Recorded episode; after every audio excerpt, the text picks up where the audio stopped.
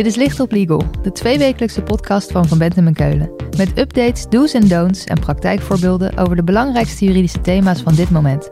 Pragmatisch vertaald naar de impact op jouw organisatie. Gebracht door onze eigen experts. Zeker als het erop aankomt, is het altijd plezierig om die clausule in het hoofdcontract te hebben en niet enkel op je algemene voorwaarden te vertrouwen. Zaken doen is risico nemen. Maar als ondernemer wil je wel dat die risico's in een redelijke verhouding staan tot de winst die je verwacht te gaan maken. En je wilt natuurlijk niet opdraaien voor de schade die ontstaat uit risico's waarvan jij vindt dat ze niet voor jouw rekening zouden moeten komen. Aansprakelijkheid voor die risico's wil je dus uitsluiten in je contract. En dat gebeurt dan ook dagelijks in exoneratieclausules. Daarover hebben we het in deze Licht op Legal met Marcel Ruigvoorn. Hij stelt zich even voor. Ik ben Marcel Ruigvoorn en ik geef leiding aan de praktijkgroep Commercial Contracting en Dispute Resolution bij Van Bentem en Keulen. Daarnaast werk ik als docent contractenrecht, privaatrecht uh, aan de Universiteit Utrecht. Marcel schreef daarnaast een proefschrift over aansprakelijkheid bij afgebroken onderhandelingen en over voorbehouden in het onderhandelingsproces. En ook het boek Contracten in de praktijk, een boek over de meest voorkomende clausules in contracten, waaronder exoneratieclausules. Hij is dus de go-to person als het gaat over dit onderwerp. Marcel, om te beginnen. Iets regelen over wie voor wat aansprakelijk is. Lijkt logisch, maar wat als we niets regelen? Wat gebeurt er dan? Ja, als we niks regelen, dan geldt natuurlijk gewoon de wet. In dit geval het, uh, het burgerlijk wetboek. En de consequentie daarvan, als we het hebben over aansprakelijkheden, is dat die aansprakelijkheid ongelimiteerd is. Nou, er zit nog een hele kleine nuance in artikel 98 van boek 6. Hè. Dat is die toerekening naar redelijkheid. Alleen die schade komt voor vergoeding en aanmerking die het redelijkerwijs voorzienbare gevolg is van de gebeurtenis waarop de aansprakelijkheid berust. Maar um, als, als, die, als dat causale verband er is, ja, dan is je aansprakelijkheid in financiële zin onbeperkt. Onbeperkte aansprakelijkheid. Dan kan je dus eigenlijk altijd om alles worden aangesproken. Dat wil niemand, dus bedrijven willen hier iets over regelen. Wat dan? Ja, partijen willen, willen op dit punt van de, van de wet afwijken. Althans, hè, vaak is het de kenmerkende prestant, degene bij wie het risico ligt. Dus de aannemer, de opdrachtnemer, uh, de verkoper. Uh, dat zijn de partijen bij wie uh, als kenmerkende prestant het risico ligt. En die proberen natuurlijk dat risico te beperken. En in ieder geval in een, in een reële verhouding te brengen tot het profijt dat ze bij de prestatie die ze moeten leveren hebben. Dus wat bedrijven die het risico lopen proberen te doen, is ervoor zorgen dat het risico zich gunstig verhoudt tot de winst die ze willen maken. Is het nou alleen het bedrijf dat het risico loopt die het wil beperken, of ook de partij aan de andere kant van de tafel? Ja, dat is een goede vraag. De, de, de grap is dat in de praktijk uh, de focus met name ligt bij de kenmerkende prestant. Die probeert, omdat bij die partij nou eenmaal het grootste risico ligt, uh, relatief gezien, zijn aansprakelijkheid te limiteren of uit te sluiten. Maar uh, dat het, het, komt ook wel eens voor eh, dat de wederpartij van de kenmerkende prestant achteraf gezien blij zou zijn geweest als hij zijn aansprakelijkheid had beperkt. Ik heb recent bijvoorbeeld eh, een casus bij de hand gehad waarbij een partij bij een duurovereenkomst, niet de kenmerkende prestant, maar zijn wederpartij, de overeenkomst had ontbonden. En achteraf gezien bleek die ontbinding onterecht. Eh, om allerlei redenen. Maar ja, dat maakte die partij natuurlijk wel schadeplichtig. En die partij had zijn aansprakelijkheid onder de overeenkomst niet beperkt.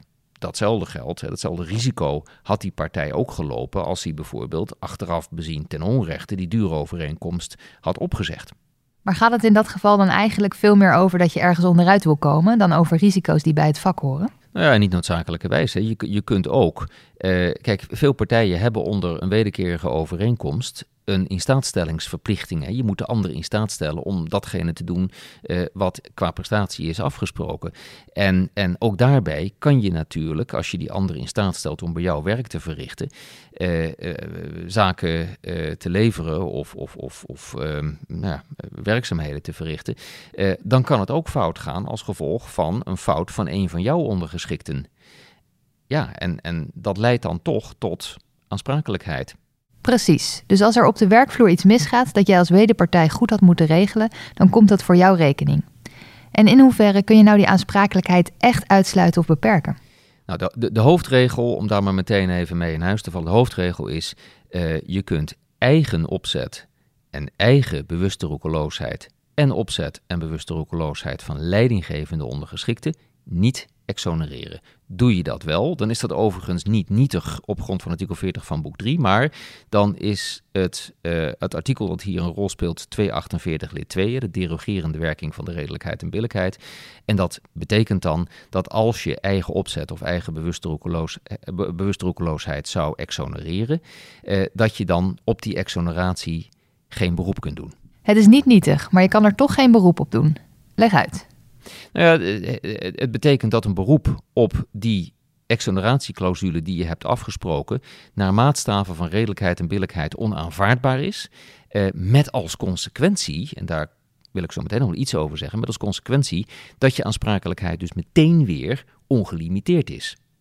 En dat betekent eh, dat veel commerciële contractspartijen ook op zoek zijn naar een, een balans tussen enerzijds de uitsluiting of de beperking van de aansprakelijkheid eh, die ze zoeken, maar anderzijds om het risico dat zo'n beperking of uitsluiting uh, down the drain gaat, omdat ze daar naar maatstaven van redelijkheid en billijkheid geen beroep op kunnen doen, om die kans zo beperkt mogelijk te houden. Dus je zegt eigen opzet en bewuste roekeloosheid kun je niet uitsluiten door die derogerende werking van de redelijkheid en billijkheid. Maar wat zijn de gevolgen als je het toch wel doet en dus eigenlijk te veel uitsluit? Een, een, te vergaande uitsluiting kan betekenen uh, dat een beroep op die exoneratie naar maatstaven van redelijkheid en billijkheid onaanvaardbaar is.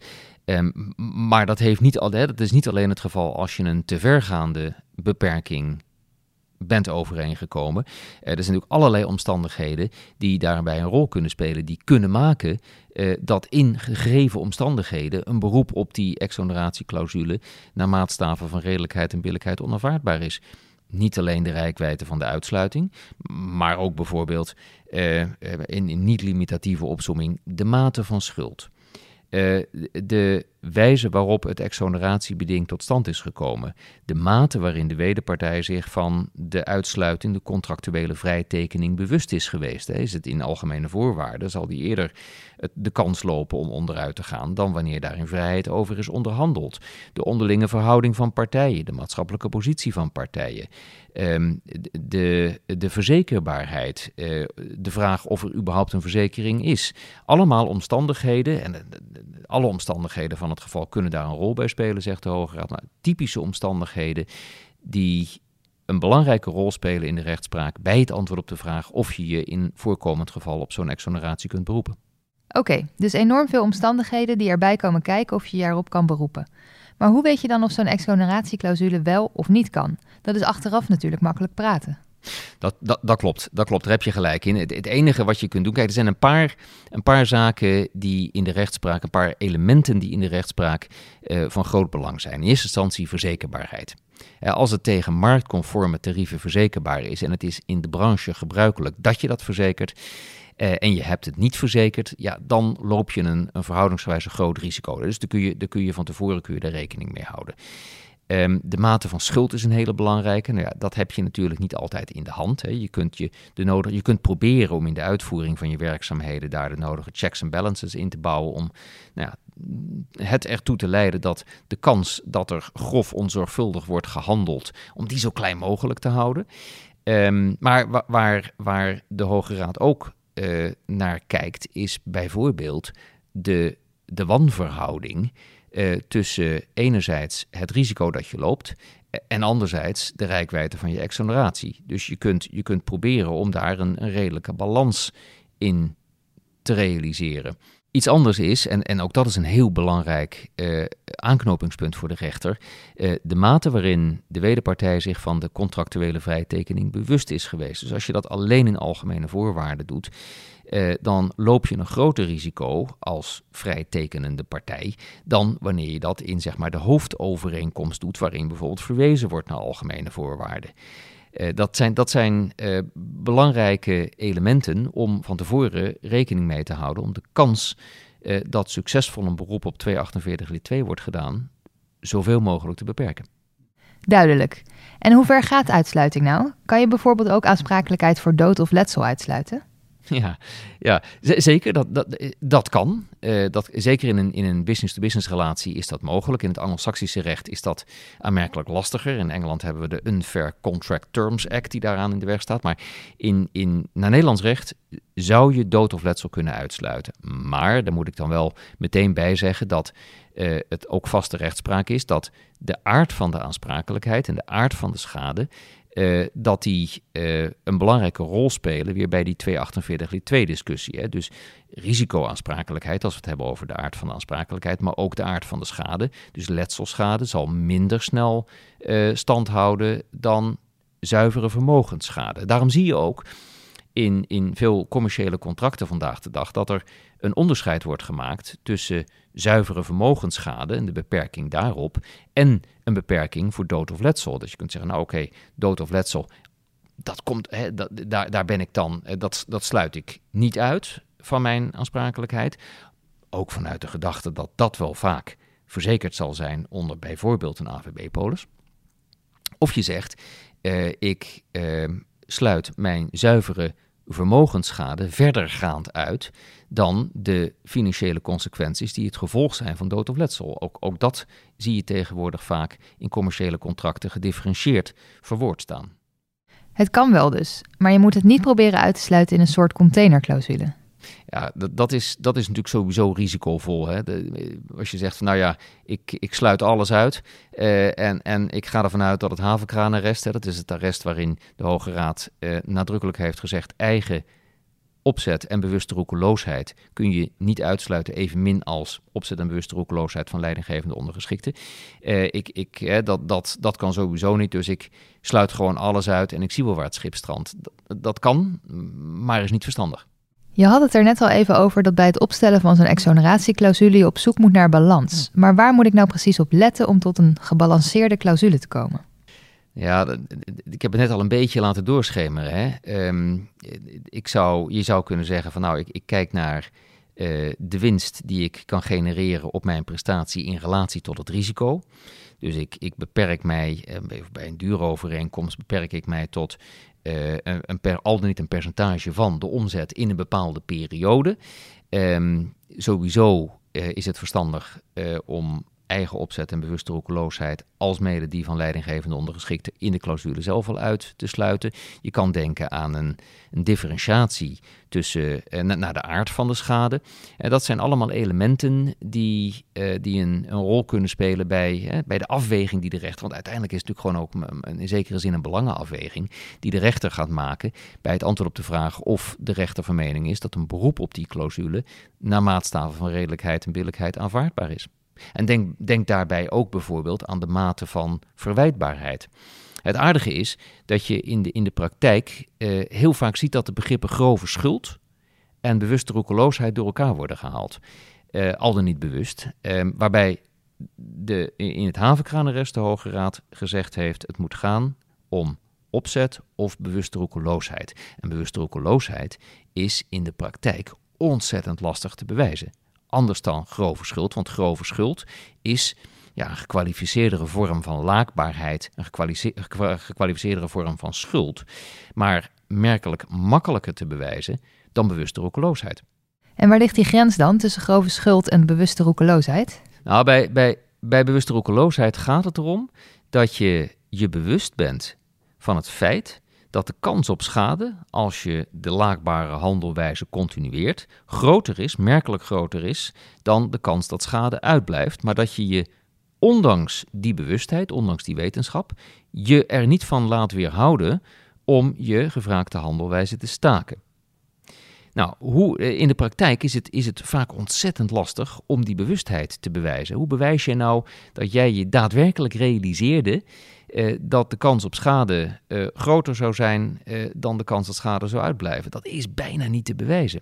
Terwijl grove schuld ja, een, een gekwalificeerdere vorm van laakbaarheid is, waar in objectieve zin iets van gevonden kan worden door de rechter. Dus dat is veel makkelijker te bewijzen. Dus het betekent dat als jij je schade, sorry, jouw eigen aansprakelijkheid wilt uitsluiten, dat je er verstandig aan doet om wel een beperking aan te brengen, maar die beperking te houden bij bewuste roekeloosheid.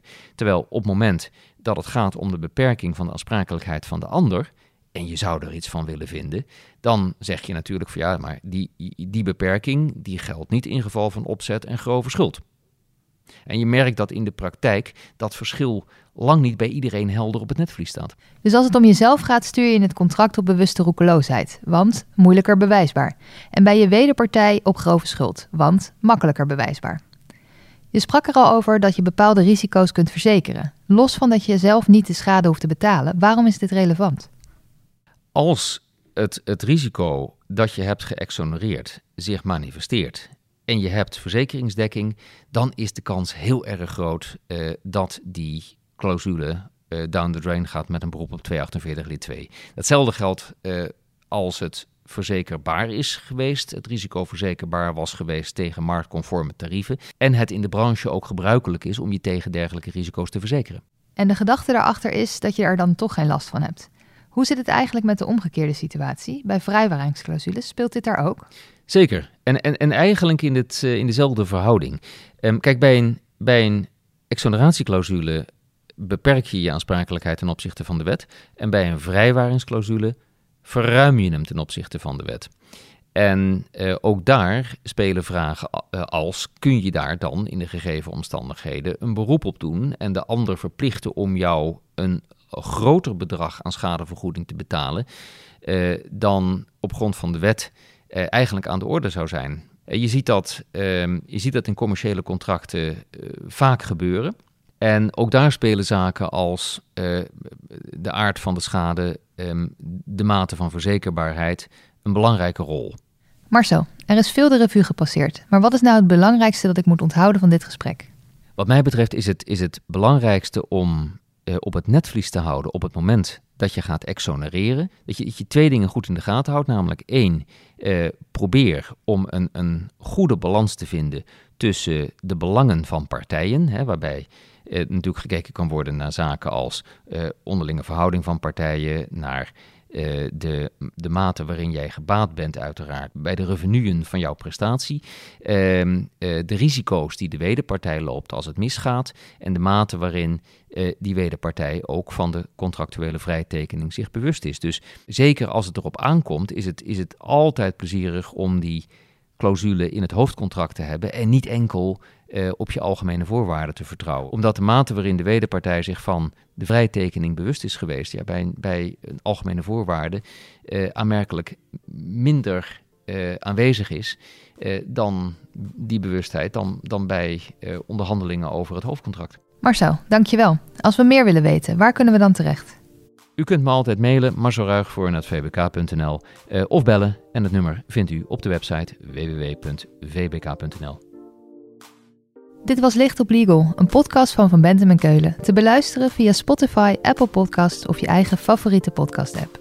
Wil je meer weten? Heb je suggesties voor een onderwerp? Of wil je dat onze experts hun licht laten schijnen op jouw juridisch vraagstuk? Laat het ons weten via vbk.nl/slash lichtoplegal.